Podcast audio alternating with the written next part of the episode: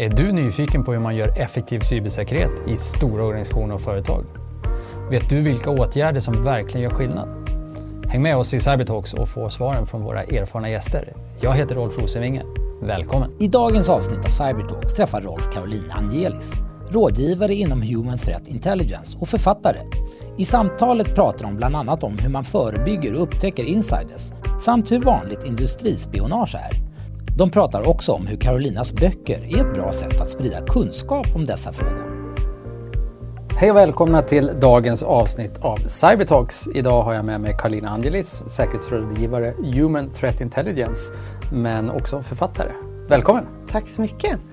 Jätteroligt att ha dig här. Ehm, vi känner varandra fast vi konstaterade att det var ganska många år sedan vi såg sist. Ja, men vi har ju haft en del med varandra, ja. Mm. men Ja. länge sedan. Tiden går fort när man har roligt. Ja. Mm. Och, och vad du har ägnat dig åt sen vi såg sist, det kanske vi kommer eh, prata lite om här idag också. Men eh, som vi brukar göra, kort intro till dig för lyssnarnas skull. Vad, förutom författare och sådär, vad var det? Berätta, vad har du för bakgrund? Ja, och går man tillbaks till, till början, om man säger tidigt 90-tal, så började jag mitt första jobb på FRA på Lovön utanför Stockholm eh, och jobbade där ungefär tio år. Eh, Efter det har jag varit på MUST, militär underrättelse och säkerhetstjänsten, nästan lika länge. Jobbat ett antal år i försvarsindustrin efter det, drivit eget ett antal år och idag är jag då som sagt på Trusec. Så eh, när man lägger fram det på det viset så känner man att man måste ju vara väldigt gammal. Erfaren. Tack. Ehm, men och idag så, jag tänker författarskapet är jag också nyfiken på. För, det, det ska, för jag tycker nämligen Eh, att du har en ganska intressant approach med, med det och jag tror att det finns några grejer som du vill förmedla genom böckerna. Men det tänkte jag vi ska komma till. Men vad gör man som säkerhetsrådgivare Human Threat Intelligence?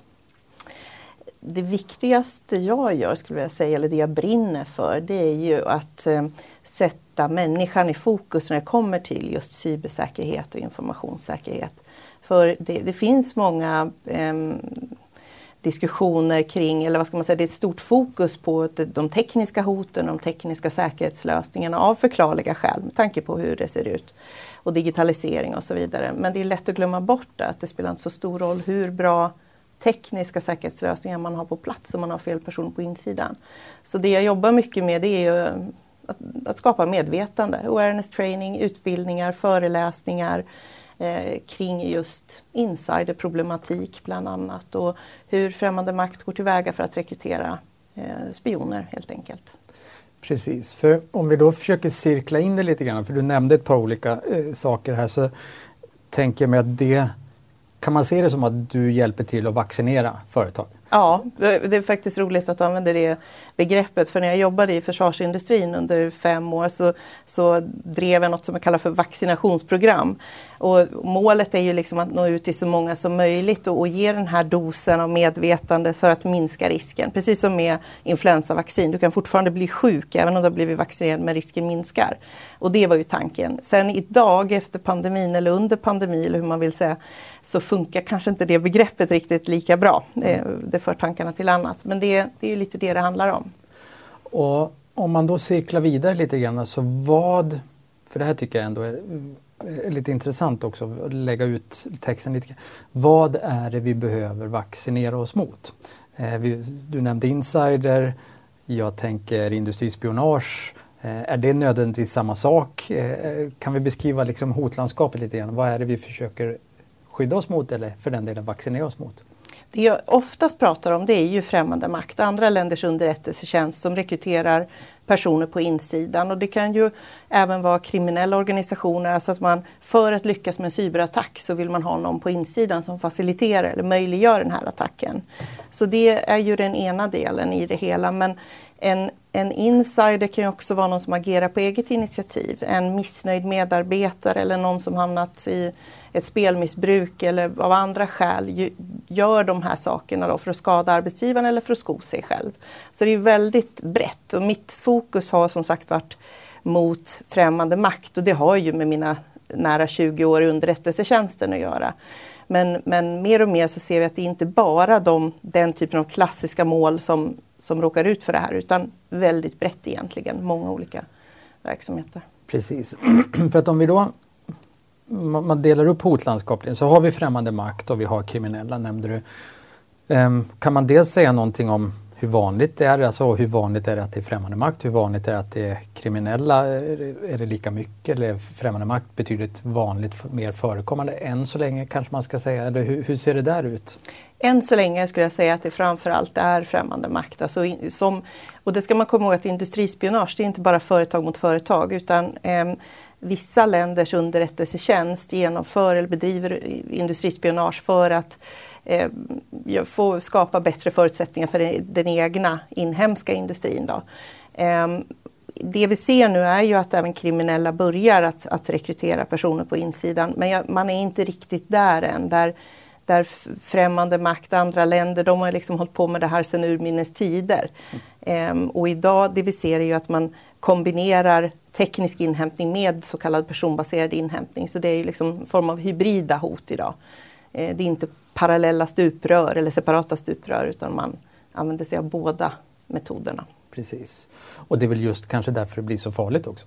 Ja, ja men det är det. Och, och just det här att vi har, vi, vi, jag brukar säga så att det här som jag jobbar med, Human Threat Intelligence eller Insider Prevention, det är liksom den sista väldigt viktiga pusselbiten som ofta glöms bort men som är väldigt nödvändig när det kommer till ja, cybersäkerhet.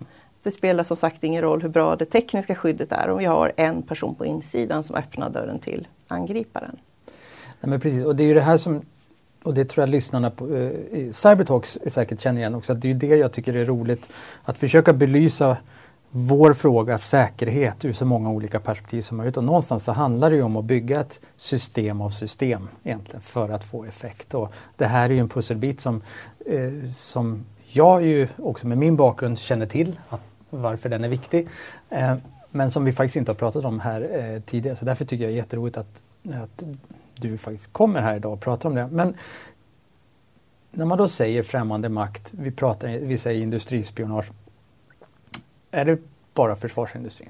För det är ju dit tanken leds, mm. Eh, men det är ju inte bara så. Verkligen inte. Det, det, jag vet ju att du vet det och så vidare. Men, men det, det är den bilden många har av det. Att jo, men vi skulle inte kunna vara av intresse för vi håller ju på att utveckla någon green tech eller vi har det är no, det, någon ny uppfinning eller vi är ett så litet bolag, 20 personer, vilka skulle vara intresserade av oss? Men industrispionage är väldigt brett och pratar man om de stora aktörerna inom det här Eh, så framförallt Ryssland och Kina, så är man väldigt aktiv och det är inte bara försvarsindustrin. Tittar man på de senaste exemplen de senaste tre åren, om man bara tar ett par stycken av dem. Eh, den svenska IT-konsulten som greps 2019 på Kungsgatan, det var inom fordonsindustrin, autonoma fordon. Eh, det greps en, en person i Danmark året efter och han jobbade inom energiteknik. Det greps en person i eh, Norge samma år, då, 2020 var det väl, eh, och han jobbade på eh, det norska Veritas inom olja och gas. Så det här är några exempel på helt andra branscher än vad man kanske förväntar sig. Och den som då igångsätter en sån här operation, vad, varför väljer man det här, den metoden och vad är det man hoppas få ut egentligen? Alltså vad är, vad är det slutgiltiga målet som man vill hämta hem? Att man väljer att försöka rekrytera någon, ska man komma ihåg att det är inte nödvändigtvis istället för att genomföra cyberattack utan det kan vara parallellt. Det kan bero på till exempel att det man vill åt, det finns på ett nätverk som inte har någon uppkoppling mot internet till exempel. Men det finns alltid någon som är inne och uppdaterar, servar eller vad det nu är för någonting man gör som hanterar, har tillgång till informationen. Ehm, så det skulle kunna vara ett skäl. Ett annat skäl kan ju vara att man, ja, men man lyckas med den här cyberattacken, man lyckas ta sig in med var i all den här Typ bland alla ettor och nollor finns den datan, den information som man vill åt. Man vill verkligen inte ha allt. Dessutom kanske allt i det här bolaget, det är på svenska. Och då måste man först lägga en massa översättningsresurser för att hitta det man vill åt. Har du en person på insidan som kan eh, liksom säga att ja men det här, varsågod, här är det som du vill ha. Så är det naturligtvis enklare. Eller så kan jag peka på rätt server. Eller tala om, vi har de här säkerhetsskydden så då behöver ni anpassa er cyberattack på det viset. Just det. Så då kan vi egentligen etablera att men, främmande makt ägnar sig åt det här. Eh, kriminella börjar ägna sig åt det här. målvalen är inte bara försvarsindustrin, betydligt bredare. Men det krävs ju fortfarande då en insider mm. någonstans. Eh, och eh, vad, vad, är, vad är de vanligaste liksom skälen? Vad, vad är det som gör att någon blir en insider? Mm. Och tittar man på dem, alla de eh, case som jag studerar så där från både nu i modern tid men också historiskt, så pengar har varit involverade i de flesta av fallen. Men det är sällan det är det enda skälet, det enda motivet eller drivkraften utan en kombination av drivkrafter. Och det kan handla om en personlighet till exempel att man, man, man tycker att man får inte tillräckligt mycket uppskattning, man är lite bättre. Alltså lite grandios och narcissistisk. Eh, men det kan också handla om, som jag tror jag nämnde tidigare, missnöje. Att man känner att man blir inte, eh, man får inte den där befordran som man tycker man förtjänar. Eller man tycker att ledningen skor sig, var inte jag också värd lite mer? Alltså det, det är ofta en kombination av, av saker som, tycker, som gör att man tycker att det är okej okay att göra. Det kan också vara ideologiska skäl. Ehm, om man tar försvarsindustrin som ett exempel, att mm, när man började där tio år tidigare så tyckte man var kul mitt nya ingenjörsjobb. Och sen så efter tio år sitter man på släktmiddagar på helgerna och så bara, hur kan du jobba inom den här branschen? Och, har du inte dåligt samvete? Hur kan du sova på nätterna? Och så kanske man börjar, ja det är ju kanske inte så bra. Om någon identifierar den, det vacklandet, den tveksamheten och trycker på den knappen att du skulle ju kunna hjälpa till att skapa världsfred, om jag får överdriva lite grann så, så kanske man skulle kunna göra det av det skälet. Tittar man på Wennerström till exempel, om jag bara får ta det exemplet, så han fick ju också betalt för det han gjorde. Sålde ut svenska försvaret under 15 års tid. Eh, men i de här intervjuerna, de här snackebanden eller förhören som man kan se i dokumentären om honom, så framträder ju en väldigt liksom, narcissistisk personlighet där han är övertygad om att det var ju tack vare honom som man hade den här terrorbalansen mellan öst och väst. Precis. Um, så då har vi ringat in lite grann också några, tänka några så grundparametrar. Men när jag träffade SISO så för något år sedan så gjorde vi en lite större övning och, och frågade ett antal om liksom vad, var man var mest orolig för, vad man upplevde att man själv hade bra förmåga, vad man upplevde att man inte hade så bra förmåga och vad det var störst delta och så vidare däremellan. Och då kom ju just den här insiderproblematiken fram som en, så här, liksom en, en gemensam upplevd risk.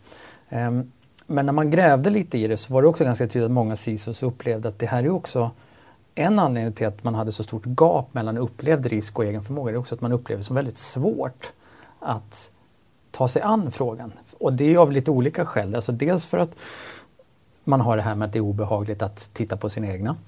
Eh, såklart. Eh, det är också det här med vad, hur vill vi som arbetsgivare uppfattas? Ska vi verkligen monitorera? Ska vi, är det inte trust när du väl har skrivit på? Och de, mm. alltså, lite, ibland svenskt naiva, men det här är även applicerbart tror jag i stora globala koncerner. Jag stöter på samma typ av, av diskussioner där.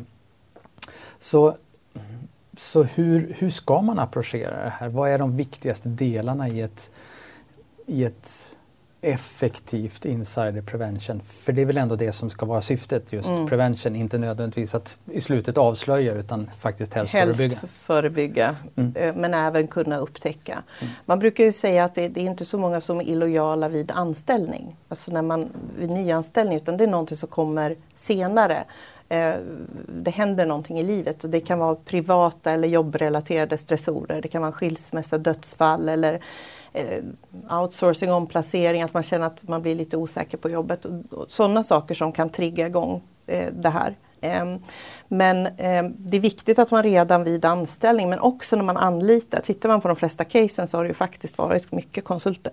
Även om jag är konsult själv så måste jag ändå säga att liksom, eh, man får inte missa den delen. Så när man anställer eller anlitar behöver man ju titta på vem är det vi släpper in i, på insidan. Där är det ju enklast, för där kan man ju välja bort i tid innan man har en anställning och alla de reglerna. Sen är det ju längs vägen och du säger det här som är jätteviktigt att man vill ju inte vad ska man säga, monitorera eller misstro medarbetare och sådär. Eh, men om man vänder på det och ser det som att det handlar om att bry sig om sina medarbetare Om man upptäcker att någon inte verkar må bra, uttrycker missnöje eller liksom börjar jobba konstiga tider eller sådana saker, att man kanske kan fånga upp den här personen, sitta ner och höra hur är det egentligen? För det han eller hon kanske behöver, det är att berätta hur livet ser ut och vad som har hänt innan någon annan identifierar den personen. Så ser man på det viset att det handlar om att bry sig om medarbetarna så får man ju en helt annan grej. Precis, och det där tycker jag är superviktigt och faktiskt någonting som vi jobbade ganska mycket med när jag själv var säkerhetschef. Att en av de saker som vi gjorde, när, för vi, jag jobbade en period som säkerhetschef i en sån bransch där det här var högst aktuellt. Um, och en av de saker som vi gjorde som jag är glad över att vi gjorde, det var just att vi satsade faktiskt ganska mycket på så att säga, alla linjechefer och utbildade dem i den här problematiken så att de någonstans skulle vara medvetna om att det här kan förekomma. Så att, och det vi tryckte på sen, så att när du har dina vanliga medarbetarsamtal, ställ den där extra frågan om hur folk faktiskt mår. Mm. För det kanske upplevde jag ett av de enklaste sätten att börja plocka upp saker i, tid. Och då var det också precis som du säger, kan man man ställer ju frågan som chef, som linjechef oavsett om man jobbar med operations eller sälj eller forskning eller vad man nu Men man har ju ändå ett ansvar att fråga hur medarbetaren mår. Men då liksom ställa den lite tydligare och lite oftare kanske framförallt. Mm. Det är bra på så många sätt och det har egentligen inte bara med säkerhet att göra men det var en positiv bieffekt. Och, och det var också ganska ganska lätt, tror jag, för dem att ställa den frågan. Det är mycket svårare om säkerhetschefen kommer in och frågar hur mår du? Det blir mm. jättekonstigt. Varför undrar du? Ja, exakt. -huh. Men om linjechefen har den typen av samtal, mm. är, är, det en, är det en framkomlig väg? Det är absolut en framkomlig väg och då behöver, precis som du sa här, som, som ni gjorde, att man utbildar dem så de förstår vad det är de tittar efter. För många så har man inte möjlighet att sätta, eh, hitta sambandet mellan en identifierad sårbarhet och, och vad som skulle kunna hända man har svårt att tro att främmande makt eller någon annan skulle utnyttja det här på riktigt, inte här hos oss. Det händer ju inte och så. Så att då behöver de verkligen förstå eh, hotaktörer och modus så att det här kan ske.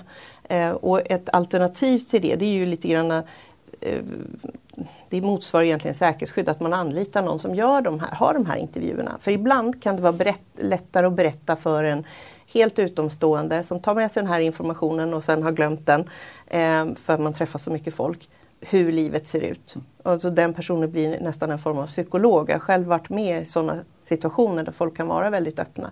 Man kanske inte alltid vill berätta det för närmsta chefen som man kanske till och med har en privat relation med och spelar golf med på helgen och, och, och man vill ha sin fasad och sin, vara den här äh, trevliga, bra medarbetaren och inte berätta om sina sårbarheter och problem. Så där får man ju känna lite grann har man en organisation som är mogen och klarar av det, då tycker jag det är jättebra om man kan ha den uppföljningen internt. Känner man att det har man inte riktigt, då kan man ta hjälp mm. med att göra det. Du var inne på också det här med, med eh, bakgrundskontroller lite grann och att man liksom har ju faktiskt ett litet fönster, window opportunity innan anställning och så, eller i samband med att man anställer. Um, och där gör ju många bakgrundskontroller Ehm, min bild efter att även själv har blivit bakgrundskontrollerad på det viset är att det ju väldigt ofta snarare handlar om att kartlägga ens, ens CV, det vill säga ens akademiska meriter. Eh, inte så mycket den här typen av frågor. Hur, hur adresserar man det? Går det att få in på ett effektivt sätt i anställningsprocessen den här typen av frågeställningar också? Kanske även på ställen som inte är de här typiska försvarsindustri... Mm, eh, eller som lyder under säkerhetsskyddslagen, ja. där det är ett lagkrav. Mm. Ja, det går och jag tror att man ska inte stirra sig blind på en bakgrundskontroll för där måste man också se vad får man göra med tanke på GDPR och så vidare. Eh, utan att man, man ser att ha ett, ett säk, kalla det säkerhetsprövningssamtal, då, men ett motsvarande säkerhetsprövningssamtal där man går igenom de här områdena på ett respektfullt sätt. För folk kan tycka att det är ganska jobbigt att få personliga frågor. Men där har man en möjlighet att identifiera till exempel attityder som är en jätteviktig grej. Eh, lite kring regler och sånt där. Att, ja, det gör man väl lite som man vill. Det kanske man inte tycker är ett jättestort problem innan anställning men om man har en person med de, den typen av attityder som sen inte gillar de regler som finns på den arbetsplatsen man börjar på så kommer det bli ett säkerhetsrelaterat problem i slutet. Mm. Så att jag, jag tycker få in den delen i en rekryteringsprocess och det kanske inte är HR som ska, ha, som ska hålla i det utan det blir liksom en, ett, ett tillägg om man säger då. Och det är det som är, tycker jag, och det var min egen erfarenhet också, det är så svårt därför att samtidigt så är det en kamp om talangerna och man ska erbjuda också den bästa liksom, employer journey experience och du vet alla mm. de här, den typen av, av buzzwords. Um, så ibland så känns det ju faktiskt lite awkward att komma med liksom, säkerhetsfrågor. Mm. Um, hur gör man det där? Jag tror det handlar mycket om hur man lägger fram det. Att eh, här är vi, vi är stolta över det vi gör. Här är vi måna om att ha rätt personer på insidan och alla som är som liksom, vad ska man säga, har rent mjöl i påsen eller sådär mm. förstår ju det. En sån arbetsplats vill man ju vara på. Så man kan ju lägga fram det på, på ett positivt sätt. Mm. Det här är viktigt för oss och, och, när man sen är på insidan då vill man ju gärna veta att man har kollegor som har liksom som man kan lita på också. Um, och då har vi uppehållit oss lite grann vid just vid den här liksom, anställningsdelen. Men hur vanligt är det, du var inne på lite grann, men hur vanligt är det egentligen att man placerar någon? Det vill säga hur mycket finns det egentligen att upptäcka i samband med anställningssituationen versus vad som händer sen, mm. senare under anställningen? Jag tror att det är mycket vanligare det, det, du sa senare, alltså att det är någonting som händer sen och att det är någon som på eget initiativ eller för att någon annan har upptäckt det och utnyttjar det agerar. Alltså inte att man är placerad. Men man ska komma ihåg att det förekommer också. Så beroende på vad det är för verksamhet man jobbar inom, det är medicinteknik eller försvarsindustri eller telekom eller det kan ju vara egentligen, det skulle kunna vara ett cybersäkerhetsbolag. Alltså att på grund av att någon har intressanta kunder, myndigheter till exempel, så skulle det kunna vara så att man vill placera någon på insidan. Men då pratar vi nog framför allt om främmande makt, även om kriminella skulle kunna vara så förslagna också, men framför allt främmande makt. Och ibland så tvingas man ju faktiskt att säga nej. Och det behöver ju inte vara för att man vet att den personen har gjort något eller kommer göra något, utan för att risken är för stor. Kopplingarna som den här personen har eh, på ett eller annat sätt, den risken kan inte vi lyfta in. Eh, eller om man väljer att göra det så ska man göra det med öppna ögon. Att ja, vi ser det här men... Precis. Um, en annan fråga som jag då tänkte att jag skulle passa på att ställa till dig på det här temat också är ju att um, min erfarenhet när vi i branschen pratar om det här så pratar vi väldigt mycket om vilka kontroller och processer vi ska sätta in, till exempel i samband med anställning eller kontinuerliga uppföljningssamtal och så vidare. Men när vi i branschen gör det så pratar vi nästan alltid om de andra. Vem kontrollerar säkerhetsorganisationen? För mig veteligt så är det ganska många om man tittar i historien av casen som faktiskt där så att säga insidern sitter i säkerhetsorganisationen därför att man har access, man kan ställa frågor, man kan röra sig i en organisation på, på massa olika sätt. Hur bra eller dåliga är vi på att göra läxan med oss själva? Det beror nog också på vilken verksamhet vi pratar om. För pratar man om till exempel säkerhetsskydd, alltså som lyder under säkerhetsskyddslagen, då gör man ju, då är det säkerhetsklassade tjänster, så då gör man ju säkerhetsprövning av den typen av roller. Och jag anser ju att man bör göra det på andra bolag också. Menar, vi till exempel på Trusec, vi, vi tittar ju på alla som vi anställer. Och det har ju att göra med att vi är måna om, om vår egen organisation men också om våra kunder. Så att jag, jag tror att fler än vad som liksom, lagen kräver borde ju titta på det här. Och särskilt som du säger säkerhetsorganisation eh, men också de med andra höga behörigheter, systemadministratörer och så vidare bör man ju titta på. Precis. Um, och då har vi pratat ganska mycket kring prevention, tänker jag. Hur, hur upptäcker man då? Och, och det vi liksom lägga som Lite bakgrund till frågan är också att idag finns det ju så många, så man, man, tänker kanske historiskt sett, alla har vi sett både filmer och läst böckerna om man, man går in och fotar lite med någon eh, kamera. Så liksom, så, så Men idag har ju alla kamera i mobiltelefonen. Eh, vi behöver inte lämna digitala spår i form av loggar och så vidare om vi är lite förslagna. Det finns så många andra sätt.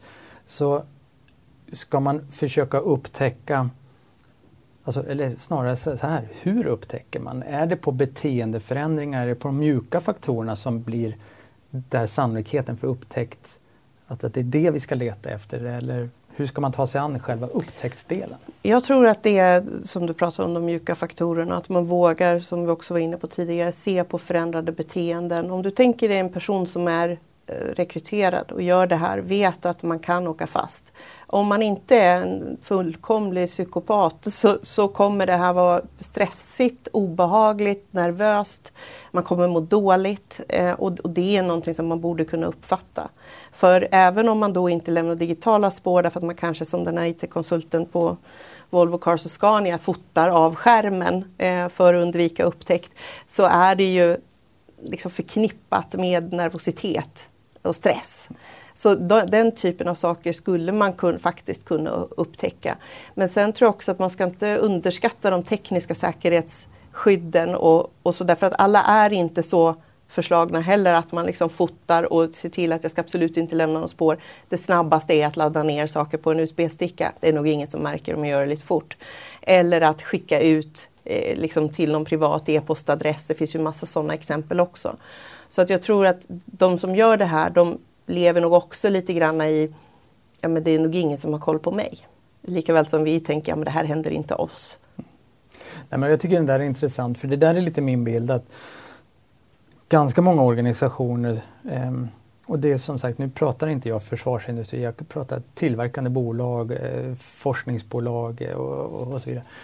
Så är det ibland ganska svårt att få ihop de här dimensionerna i det liksom systematiska säkerhetsarbetet. Man, att man faktiskt gör den där analysen, vad är det vi ser i loggarna? Och vad är det vi ser på den mjuka, alltså den mänskliga sidan och faktiskt lägger ihop det och tittar på, men nu har vi ett antal utläsningar här, det kom faktiskt där bortifrån. Det finns en individ som har lagt saker i en Dropbox eller vad det nu må vara. Hur, hur, hur gick det senaste medarbetarsamtalet egentligen där? Jag upplever att det är ganska svårt och att det är inte är jättemånga som så att säga, orkar få ihop den analysen. Stämmer det? Och, mm. och om det stämmer, vad, var är liksom forumet där man lägger ihop de här bilderna?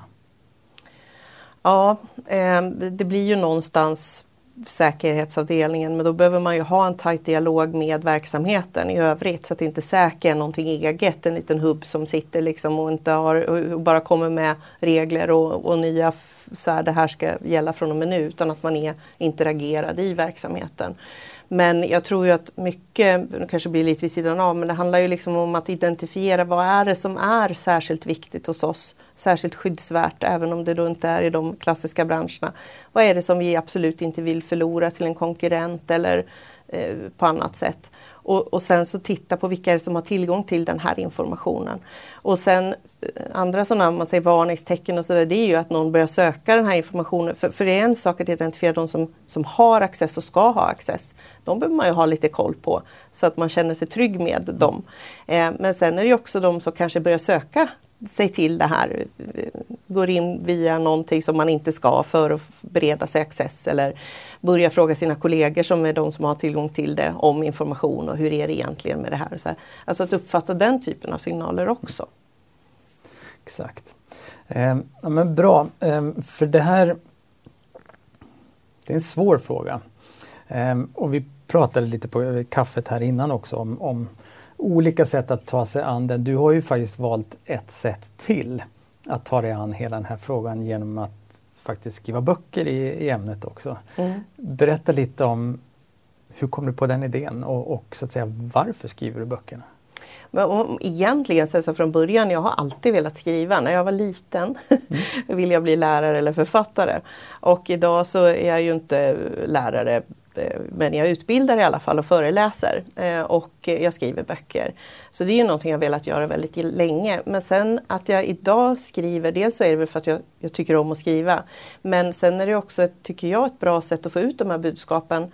Eh, därför att om man får använda begreppet populärkultur då, och om den här typen av böcker och spionromaner som jag skriver så, så når ju jag folk som kanske inte läser underrättelse och säkerhetstjänsternas årsrapporter vi är ju många i den här branschen som gör det och säkert många som lyssnar på den här podden som, som läser årsrapporter och, och så vidare och hänger med i hotbild och förändrade eh, metoder. Men det är ju väldigt många som inte gör det men som ändå behöver ha en förståelse för vad som händer och de når man ju faktiskt på det här viset. Ja men exakt och jag tycker ju att det är briljant därför att jag tror att det är ju just ett sätt att nå ut bredare och också kunna säga vissa saker och man kanske faktiskt också i vissa avseenden har större impact eh, kring det. Den första boken hette Tunn is mm. eh, och sen kom det en ny alldeles nyligen, eller hur? Mm, förra veckan, 13 april, kom Dominoeffekten. Så det är den andra boken, det är ju en serie så det är ju fortsättningen på Tunn is. Och eh, hur är det ditt alter ego på något sätt, som är huvudpersonen? Nej, alltså ja, det där är ju alltid svårt man, för att någon de ser mig i den rollen, det är det ju absolut inte. Det är ju fiction, ska jag ju börja med att säga. Eh, men det är klart att hade inte jag jobbat i underrättelsetjänsten så hade jag inte kunnat skriva de här böckerna på det här viset. Så det är väl samma sak om en läkare skriver den typen av romaner eller om det är någon som bara hittar på. Precis. Och Ehm, jag tycker för det första att det är superspännande att läsa. Eh, jag tycker att det så att har, man inte gjort det så tycker jag att eh, ta chansen. Eh, finns det mycket bra och vill man spara till hängmattan i sommar så går det säkert också bra. Men definitivt väl värt att läsa. Därför att det ger också en inblick på ett ganska lättillgängligt sätt i hur det faktiskt kan gå till. och det antar jag har varit en del av meningen. Ja, och, att också ligga så nära sanningen som det går då mm. Eh, med att eh, inte liksom varken romantisera eller alltså, utan att ja, försöka ligga så nära sanningen som det faktiskt eh, går. Ehm, och sen också som vi var inne på det här med att kunna förmedla lite budskap. Nu föll det sig ju så att den andra boken eh, som släpptes förra veckan den handlar ju också mycket om gråzonsverksamhet, spionage, cyberattacker mot samhällsviktig eh, verksamhet och så vidare. Ehm, och det är ju väldigt aktuellt just nu. Ehm, så att det, jag tror, tror att det kan kännas igen för de som Verkligen. Och, och, du har ju verkligen en ganska unik både bakgrund och också idag position att faktiskt kunna liksom, sprida en del av de här erfarenheterna. Men, och om jag då tänker tillbaks till, till om jag kallar det ditt gamla liv som kanske utgör mm. en del av kunskapsbasen för, för skrivandet också. Men förutom att det får uttryck i skrivandet, vad är kanske den viktigaste erfarenheten som du fick med dig därifrån? Ehm, hur sårbara är vi ja, som jag, människor? Jag tror mer Någonting viktigt som jag fick med det är ju just det här att det pågår. Det här är alltså spionage underrättelseinhämtning, det, det alla länder bedriver underrättelseinhämtning. Sen är det vissa nationer som är mer aggressiva som använder metoder som, som inte kanske demokratiska länder gör. Eh, men så just att få med sig det och, och sprida det budskapet tror jag är viktigt, att skapa den formen av medvetande. Och just att, eh, att det finns saker vi kan göra för att, för att förhindra att någon på insidan blir rekryterad eller eh, till och med placerad där. Precis. Um, så tiden går fort här så jag tänkte, när jag ändå har det här så måste jag ju också um, passa på att fråga kring trender. Så med den här kunskapen som du har om tillvägagångssätt, modus, vilka som blir utsatta, vad man ska leta efter och, och, och sådär. Vad, om man sitter som säkerhetschef idag, var börjar man? Om man, inte känner, om man känner nu att man faktiskt inte har historiskt sett jobbat jättesystematiskt med insiderproblematik. Man inser kanske att man måste börja göra det. Vilka är trenderna där ute som, liksom, som är kopplat till modus men också vad är startpunkterna för att börja jobba med frågan internt?